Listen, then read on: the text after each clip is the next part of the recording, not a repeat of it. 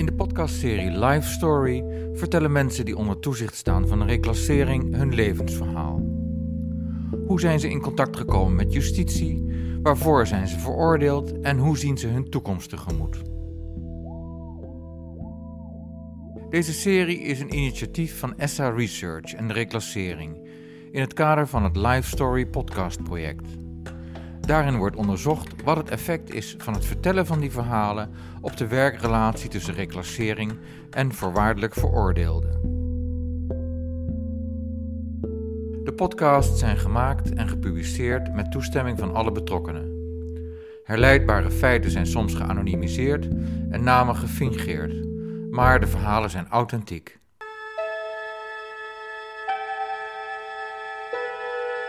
Space, a final frontier.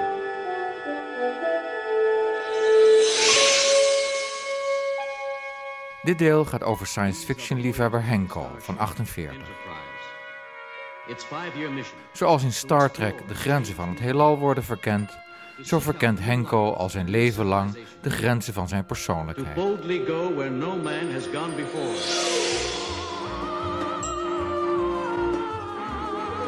Al vroeg in zijn jeugd zoekt hij seksueel avontuur en wordt hij misbruikt door ouderen.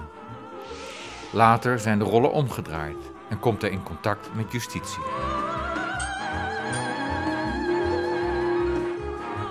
Hoe ziet Henko zichzelf nu? Een enthousiaste man die weer volop in het leven staat, eh, veel met hobby's bezig is, veel vrienden inmiddels wel weer heeft en eh, zich nooit verveelt. De problemen waar ik vroeger in trapte was dat ik wilde erbij horen en daardoor eigenlijk ook alles deed om er maar bij te horen. En dus ook heel vaak over mijn eigen grens en ook over de grens van anderen heen ging. Ik kocht vrienden. Dus ik denk, als ik nou maar met de auto rij of dingen voor ze doet, dan vinden ze me wel aardig. Nou, dat is natuurlijk ja, niet. En daar ben ik op pijnlijke manier eigenlijk wel achter gekomen. Dat er toch wel heel erg veel eh, misbruik eh, van is gemaakt. Zowel met spullen, met geld als eh, ja, ook seks. Hoe wenst Henko zich de nabije toekomst? leuk zou zijn een betaalde baan. Is er nu nog niet bij. Ik hoop binnenkort toch echt wel weer een leuke relatie te kunnen gaan beginnen. Met een lieve man. En ja, gewoon dat alles gewoon loopt zoals het moet lopen. Zonder problemen. Ik heb een, een, een lange tijd een partner gehad. Eh, We hebben ook, zijn getrouwd geweest. Samen gewoond. Ja, die bleek dus eh, niet helemaal goed voor mij te zijn. Op verzoek tekent Henko zijn levenslijn op een vel papier en deelt die in in hoofdstukken. Van de eerste tot mijn achtste jaar wel. En dan van mijn achtste tot mijn twaalfde. Van mijn twaalfde tot mijn achttiende. Van mijn achttiende tot mijn, ja, in de dertig. Er zit nog heel veel na, maar goed, dat is allemaal TBS-klinieken en andere klinieken. Ik denk dat ik nu tot eh 46 doe en dan daarna. Daarna begon het echt beter te worden. Hoofdstuk 1, mijn eh, beginjaren. Ik ben geboren in 1971. Ik heb bij mijn geboorte al meteen een zuurstoftekort gehad.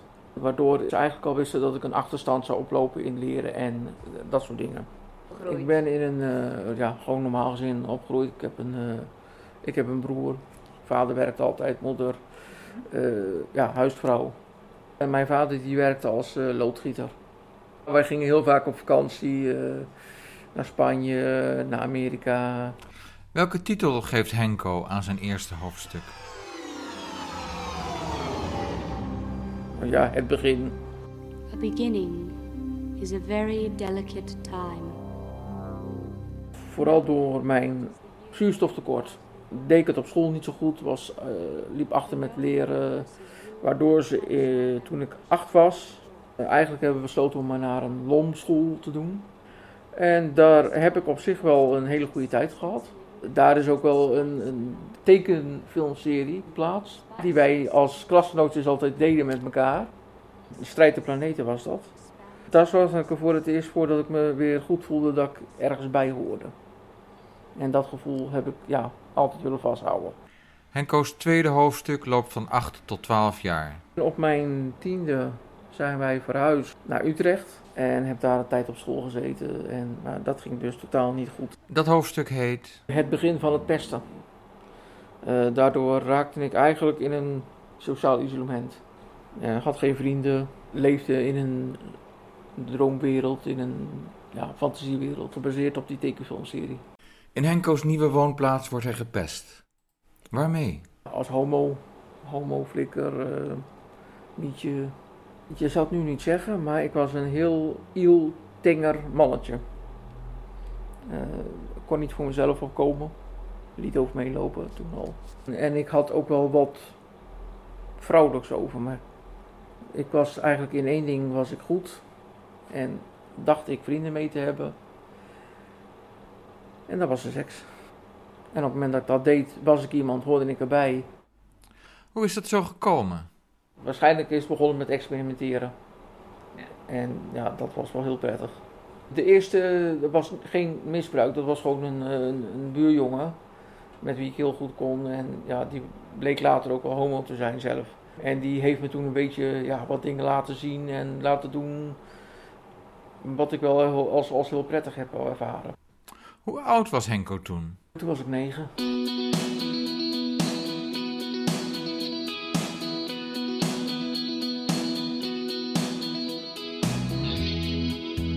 Henko kan bij een groep jongens horen zolang hij seks met ze heeft. Hij voelt het als misbruik. Henko heeft slecht contact met zijn ouders omdat hij zijn vroege seksleven voor hen verbergt.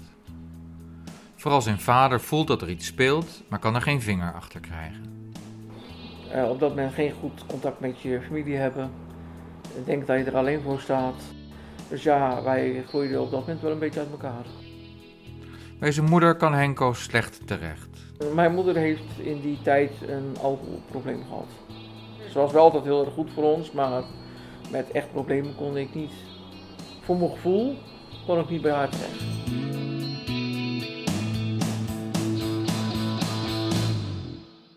Op zijn dertiende doet Henko voor het eerst een poging tot zelfmoord.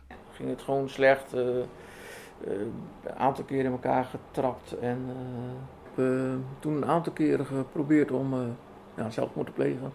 Vanaf mijn dertiende ongeveer. Maar het blijft bij een poging, zegt Henko, dankzij de eerder genoemde tekenfilmserie, waar hij krachten aan ontleent. In zijn fantasie ziet Henko zich als de leider van het G-Force-team. GeForce was een, eh, een groep mensen uit die serie dan die het opnam tegen buitenaardse kwaadwillenden. Voor mijn gevoel, alle klasgenoten, leraren, eh, ja, gewoon alle volwassenen. GeForce was mijn tweede leven. Daar was ik machtig, daar kon ik alles, daar had ik vrienden. Dat was precies tegenovergestelde van het echte leven. Alleen, ik begon zo erg in te geloven dat ik ook daadwerkelijk dacht dat GeForce echt bestond. Strijd der planeten.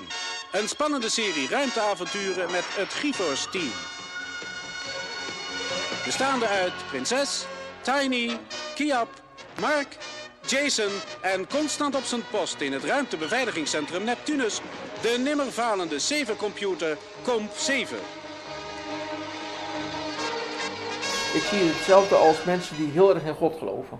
Die weten dat er iets is en je kan het niet bewijzen, maar je weet dat het er is. Nou, zo voelde dat voor mij ook. G-Force is de titel van het derde hoofdstuk, van 12 tot 18 jaar, waarin het steeds slechter gaat met Henko. Ik eh, had op een gegeven moment mensen leren kennen, ook met de seks. En die brachten me naar een wat oudere man. En ik was toen 14, 15. En in het begin was dat heel erg leuk. We ook dingen doen die je normaal gesproken in de bosjes altijd moest doen of ergens. Alleen bleek die beste man eh, ook eh, film- en fotomateriaal voor ons te hebben genomen.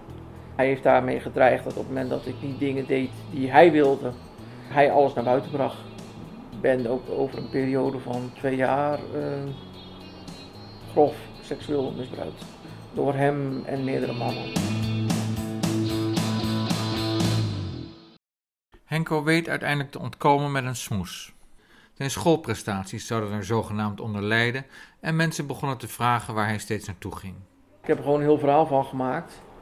En zo ben ik er op een gegeven moment uitgekomen. En later heb ik ook gehoord dat ze die man of dat hele groepje uiteindelijk hebben opgepakt. Ik heb daarna ook geen hulp gezocht. Dus het was gewoon één groot geheim voor mij. En dat heb ik uh, een hele lange tijd zo ver weggestopt dat ik het eigenlijk ook niet meer wist wat er precies gebeurd was. En dat is, later in de kliniek is dat weer naar boven gekomen.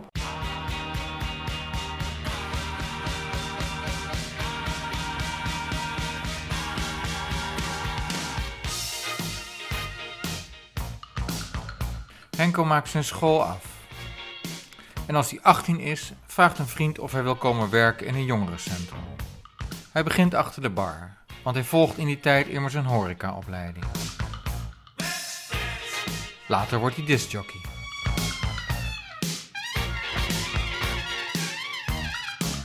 En dat is echt een omslagpunt in mijn leven geweest dat ik denk van ik wil weer verder. Had geen zelfneigingen meer en ik werd daar opgenomen zoals ik was. Dus niet, het ging niet over seks, het, het gewoon, het, het, was een hele leuke club mensen die er werkten. Je hoort ergens bij zonder meteen een, echt een tegenprestatie te moeten doen. Op zich is het een hele goede periode. En hetzelfde is dat er ook de delicten zijn gebeurd in die periode. Dit hoofdstuk heet... Muziek. Dat is tussen de 18e en 31e. Ja, muziek. Nou ja, ik werkte in het jongerencentrum. Heel veel plezier. Totdat dat helaas uh, dichtging. Gemeente wilde geen geld meer insteken. En daarna uh, andere dingen gezocht. Ik heb in die tijd ook een vriendin gehad. En dat heb ik eigenlijk expres gedaan, want na die periode met die mannen had ik zoiets van: ik wil geen homo meer zijn. Ik denk, als ik een vriendin neem, dan gaat het wel over. Nou, gaat niet over. We hebben ja, ruim een jaar iets gehad met elkaar. Toen kreeg ik daarna nog een andere vriendin. Heel veel, heel veel seks gehad. Dus ik heb echt van alles ge uh, geëxperimenteerd. En, dus ik weet inmiddels ook wel wat ik mis, of wat ik eigenlijk niet mis. Maar goed, in die periode kwam ook wel naar boven van, ja, goh, ik vind ook wel jongens wel heel erg leuk. Maar ik had er wel een aversie gekregen voor volwassenen. Dus ik voelde me meer op mijn gemak bij tieners, 12 tot 16 jaar, dan leeftijdsgenoten. En daar zijn dus ook uh, ja, de delicten mee gebeurd. Omdat ik het toen zag als iets normaals. Dat is het niet. Dat is het absoluut niet. Ik was zelf, nou laten we zeggen, ik was 22. Met de tweede vriendin loopt de relatie ook af. Henke ontdekt dat ze heroïne gebruikt. Na een mislukte afkikpoging stelt hij haar voor de keus. Of ik de deur uit of de heroïne. Nou, toen kon ik gaan. Henko vindt een klus in een jeugdcentrum, als discjockey. Dat is de kat op het spek binden, zegt hij achteraf. En daar zijn inderdaad ook wel dingen gebeurd waar ik niet trots op ben. Ik leerde ze dan via het jeugdcentrum kennen en dan af en toe komen ze meehelpen. En ja, je bent dit discjockey, dus ja, je hebt het aanzien. Op een gegeven moment seksboekjes meenemen, want ja, ook jongens van die leeftijd vinden het spannend. Dus die heb ik inderdaad misbruikt. Al zag ik toen dat totaal niet als misbruik. En ik zag het gewoon als uh, en ze vonden het leuk en ik vond het leuk. Dus ja, alleen je weet alleen, de grote mensenwereld vindt het vreemd, dus we houden het geheim.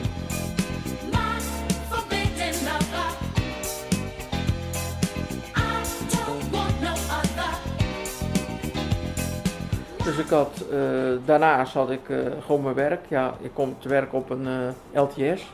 Dus ja, dat is ook niet echt. nou, daar zijn inderdaad in de loop der de tijd ook wel dingen gebeurd. En, um, Wat doet dat dan met je als je op dit, op moment zeg maar daarmee bezig bent? Of dat het je het bezig is, houdt? Het is, het is leuk, het is spannend. en hoe kijk je daarop terug?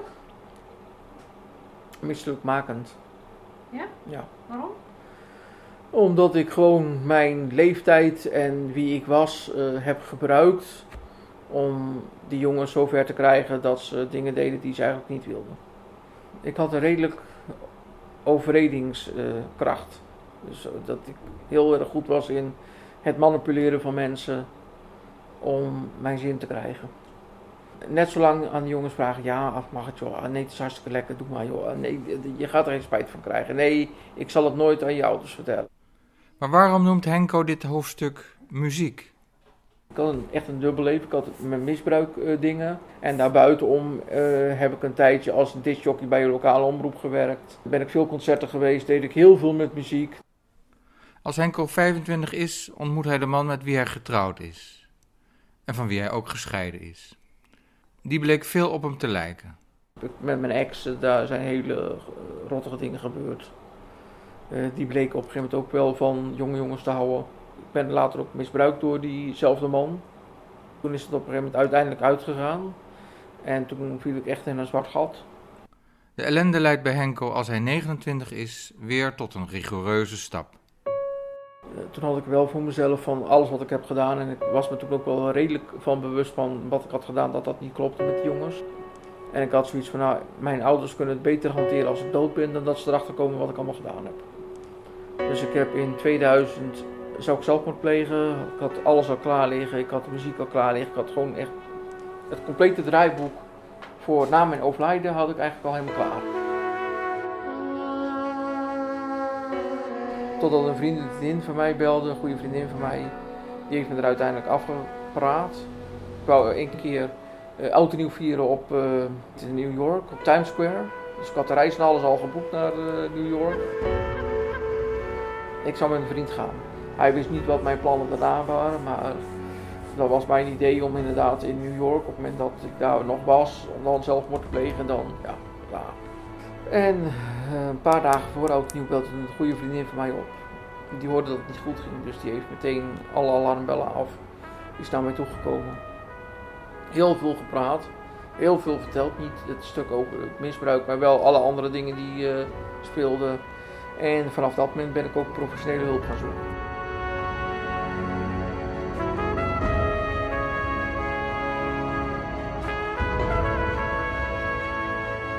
En daar is op een gegeven moment ook het stukje eh, seksueel misbruik naar boven gekomen. En ik zou daar een, eh, eh, een behandeling krijgen bij de GGZ. En voordat die behandeling begon, werd ik al opgepakt.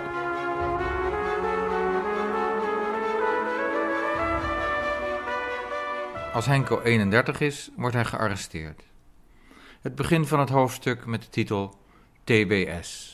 Er stopten in één keer politieauto's voor mijn deur. Ik werd aangebeld. En ze hebben mij gevraagd of ik meekwam naar het, eh, naar het bureau. Ik werd niet geboeid. Maar wel verteld van u bent aangehouden wegens ontucht van een minderjarige. Ik had gehoopt dat ik een hartaanval zou krijgen. En toen kwam ik daar te zitten en ik had net iets te veel films gekeken. Dus ik denk van als ik mijn mond maar dicht hou, en zwijgrecht, dan gebeurt er niks. Nou, ik kan vertellen dat het toch even iets anders loopt. Ik had een advocaat die zag homoseksualiteit als een ziekte. Dus ja, dat helpt ook niet echt. Eh, alles bij elkaar heb ik een jaar gezeten in de baaiers. Wat een echt een hel was. Als je in de baaiers komt en ze weten dat je, wat je gedaan hebt, en ja, C-delinquent is het laagste het laagste. Ik kon niet meer normaal ergens naartoe. Ik moest op mijn kamer blijven, op mijn cel blijven. Dus alleen op je kamer, koptelefoon op, alleen maar naar muziek luisteren om de scheldkanonnen niet te horen en het gestamp niet te horen. En...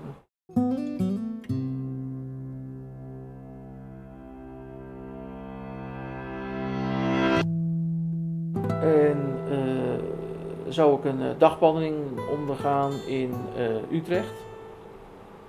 En dat heb ik zelf verkloot, want ik denk van ah, dat doe ik wel even en dat heb ik zo gedaan. En geen vertrouwen hebben in de hulpverlening. Ik denk politiehulpverlening is één pot nat en die willen we toch alleen maar kapot maken. En wat hielp jou daar doorheen, door die periode? Mijn familie. Mijn familie en de muziek. Wat, wat deed jouw familie? Uh... Uh, die, heeft me, die heeft me nooit laten vallen. Ik ben wel wat mensen kwijtgeraakt, dat, dat had ik ook niet anders verwacht. Maar gelukkig heb ik ook wel een aantal vrienden ook wel gehouden die ik nu nog steeds spreek. De hartsvriendin die hem van zijn zelfmoordpoging heeft afgehouden, ziet Henko niet meer. Ze heeft in zijn ogen de verkeerde man getroffen en is verhuisd naar Duitsland. Maar hoe reageerden Henko's ouders toen ze in één keer alle gedragingen van hun zoon over zich heen kregen? Ik kreeg later van ze horen dat ze altijd wel dachten dat er iets aan de hand was. Konden bewijzen wat het nou precies was. Ze wisten inmiddels wel dat ik homo was, want ik kan natuurlijk ook een vriend in die, die uh, periode. Ik ben ook samen gaan wonen met die uh, man. En ze zeiden van ja, wat je hebt gedaan klopt niet. Maar ik ben onze zoon en wij laten je niet vallen. En zo heeft mijn ouders gereageerd en heel veel andere familieleden ook gereageerd. Dus puur het feit dat ik nog heel veel mensen buiten had, heeft mij er doorheen gesleept. Er zijn gelukkig wel wat nieuwe mensen bijgekomen die ik heb leren kennen in de klinieken. Dat zijn ook mensen die nu overal vanaf zijn. Dat zijn levenslange vriendschappen. Wat gebeurde er in het hoofdstuk TBS? Toen was het eh, klinieken en eh, verschillende klinieken in Nederland gehad. En eh, een tijdje in Oldenkotten gezeten, dat was de beste kliniek waar ik zat. En dan ging het eindelijk heel erg goed en dan zou ik eigenlijk naar buiten gaan. Totdat Fred Teven het nodig vond om die kliniek te sluiten. En toen werd ik overgeplaatst naar de hel van Nederland.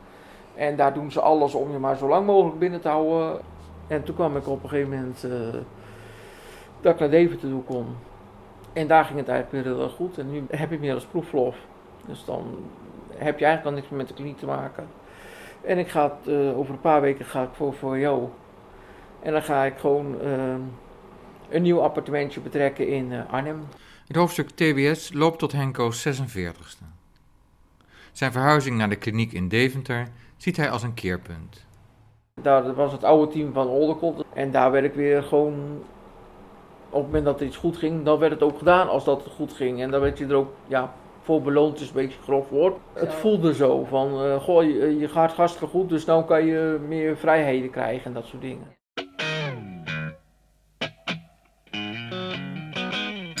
We zijn nu beland in het laatste hoofdstuk van Henko's levensverhaal, dat nu twee jaar duurt. Hoe zou je dat hoofdstuk karakteriseren? Um, een nieuw begin omdat ik nu weer uh, eerst onder een RIBW, dus wel begeleid wonen, maar wel je eigen appartementje krijg. En weer echt weer uh, los van de TBS opnieuw ga uh, beginnen. Ja, echt een nieuw leven. Wie en wat bieden hem steun in het nieuwe leven? Voornamelijk inderdaad mijn familie, mijn netwerk. Uh, de leuke dingen die ik nu allemaal doe. Ik bedoel, ik weet dat op het moment dat ik nu weer de fout in ga, ben ik dat allemaal kwijt. Ik weet hoe het was om daar te zitten. En die tijd wil ik gewoon niet meer meemaken. En ben ik mijn familie waarschijnlijk ook kwijt. Want die hebben ook wel gezegd van, als je nou nog een keer de fout in gaat, dan komen we nog wel. Maar dan gaan we niet meer het uiterste doen om uh, het voor jou makkelijk te maken. Voelt Henko zich eigenlijk nog aangetrokken tot jonge jongens? Mm, heel af en toe, op het moment dat ik een jongen tegenkom van een jaar of 16, die bijvoorbeeld lijkt op een oude vriend van mij. Een oud school, een maatje of zo. Maar goed, uh, ik hoef alleen maar terug te denken aan mijn slachtoffers. En het, het, het gevoel wat ik had is sowieso dan weg. En hoe groot acht Henko de kans dat hij weer in de fout gaat? Zoals het nu gaat, uh, nog geen 5%. Maar ik, zeg, ik ben ook wel zo realistisch om te denken van uh, stel voor, ik raak mijn familie kwijt. Stel voor, ik raak mijn baan kwijt. Stel voor, ik raak mijn huis kwijt. Ik raak alles kwijt. Wat is het dieptepunt in Henko's leven? Ik denk toch wel mijn laatste zelfmoordpoging. Maar goed, mijn uh, seksueel misbruik, mijn eigen seksueel misbruik is ook wel een. Uh, dus ik heb meerdere dieptepunten. Zit er ook een goede kant aan, dat dieptepunt? ja, dat ik mezelf beter ben gaan begrijpen. En dat ik weet dat er wel mensen zijn die omgeven. Het heeft mij heel erg uh, sterk gemaakt. Ik sta een stuk sterker in mijn schoenen. Het hoogtepunt van Henko's leven moet nog komen, zo zegt hij. Helemaal uit de TBS en helemaal van de reclassering af. Dus echt, uh, OO heet dat, onmiddellijke ontslag. En dan mag je ook weer gewoon naar het buitenland toe. Dan hoef je bij niemand meer verantwoording af te leggen. En okay. dan ben je echt, echt vrij. Ik hoop binnen nu in drie jaar. Waar is Henko trots op in zijn leven? Wat ik nu heb bereikt. Dat ik dat wel zelf heb bereikt. Ik krijg natuurlijk wel handvaten va vatten van mensen om me heen. Maar uiteindelijk ben ik het wel zelf geweest die alle veranderingen heeft doorgevoerd. En hoe ziet Henko zich over vijf jaar? Ik hoop met een hele leuke, lieve vriend in een, mijn eigen huisje. Heeft Henko een motto voor het leven? Er is altijd een nieuw begin, denk ik. Als je maar wilt. Ik, ik vind het ook wel belangrijk, om te, je hoort heel veel negatieve verhalen over TBS. Uiteindelijk, ik ben heel erg blij dat ik TBS heb gehad. Het duurt alleen te lang. Maar de behandeling op zich, als je een hele goede behandeling krijgt, uh, kan het absoluut voor je werken. Ja, maar je moet het wel zelf willen. Op het moment dat je zelf niet wilt, je denkt van het moet, dan kom je niet. Dit was het levensverhaal van Henko in pakweg 25 minuten. Productie SR Research. Interview Shaila Ajimbaks. Teksten, montage en voice-over Peter de Ruiter. Met dank aan de reclassering en het ministerie van Justitie en Veiligheid. Muziek Jimi Hendrix, Yes, Alexander Courage, Toto, David Bowie, Chic, Armin van Buren en Melissa Etheridge.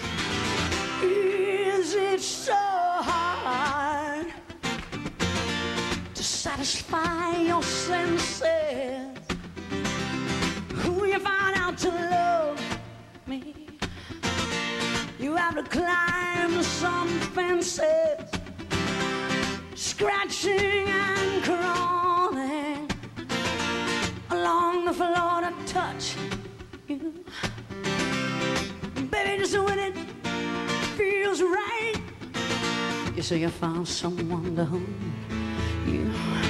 Does she like I do? Baby, tell me, does she love you like the way I love you? Does she stimulate you, attract and captivate you?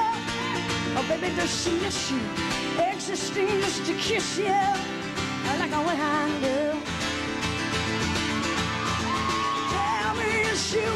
you, infatuate and haunt you. She knows how to shock you, electrify and rock you. Does she inject you